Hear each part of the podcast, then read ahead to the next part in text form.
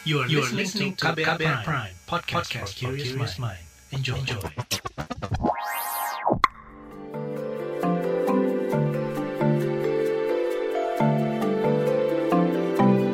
Saga, cerita tentang nama, peristiwa, dan fakta.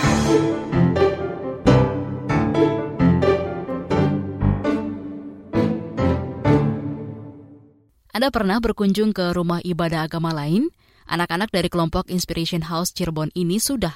Kelompok yang terdiri dari anak muda lintas iman ini belajar langsung soal keberagaman dengan mengunjungi rumah ibadah agama lain. Mereka juga aktif mengajar anak-anak dari kelompok yang terpinggirkan soal indahnya keberagamaan. Jurnalis KBR Valda Kustarini bertemu anak-anak ini di Cirebon.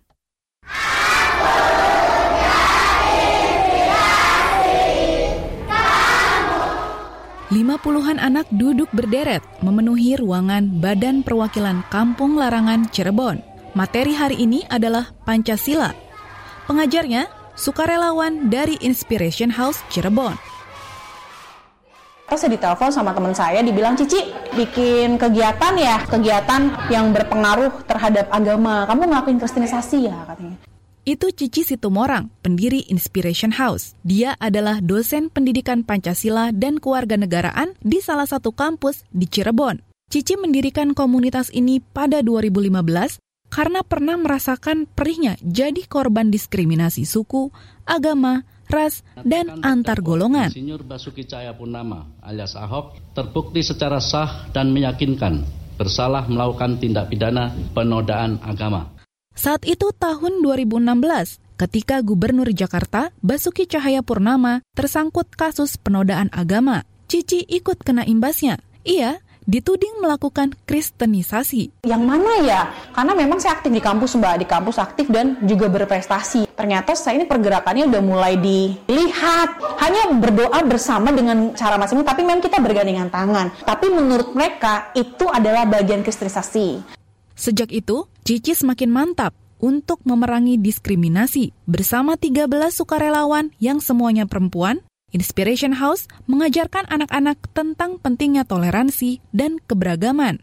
Saya ingin tidak ada diskriminasi, Mbak. Saya pingin anak-anak dari tempat itu ada orang-orang hebat. Biarpun mereka itu berbeda agama, berbeda ekonomi, pengen ada orang-orang hebat dari situ.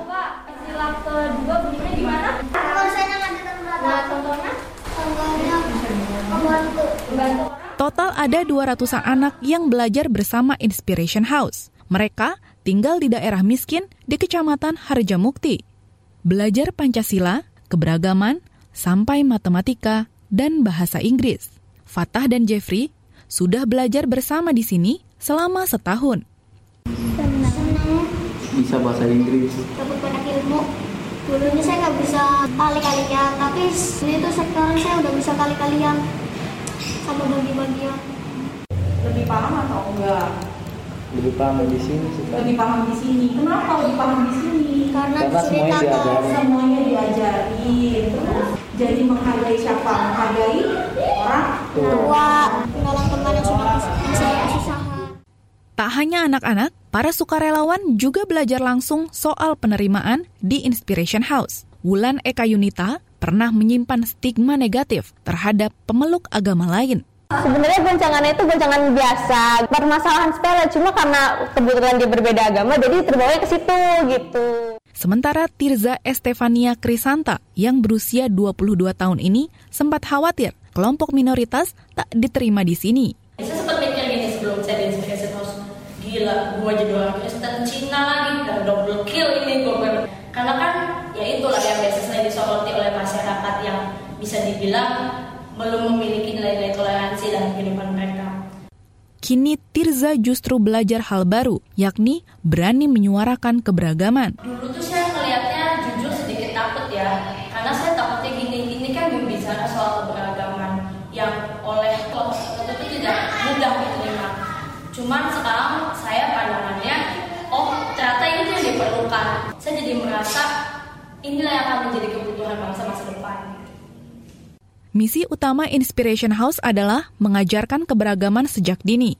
Sebelum pandemi COVID-19, Salah satu kegiatan yang kerap mereka lakukan adalah ini, kata Cici. Saya bilang harmoni Street itu kita pergi mbak ke rumah-rumah kamu satu tahun setengah ini karena pandemi nggak bisa pergi. Kita pergi ke gereja, ke piaran, baru kita ke tempat budaya. Di sini ada namanya keraton, kita kan punya keraton, ada tiga. Kita datengin karena menurut saya toleransi nggak cuma soal agama doang, tapi bagaimana budaya.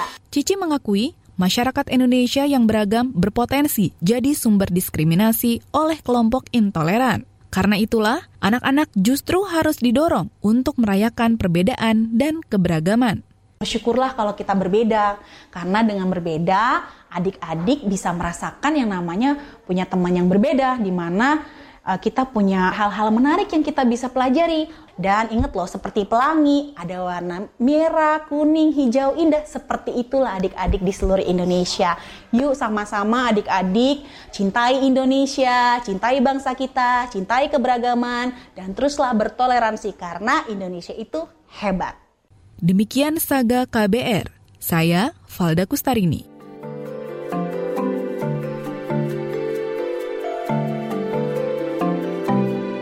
Saga, cerita tentang nama, peristiwa, dan fakta.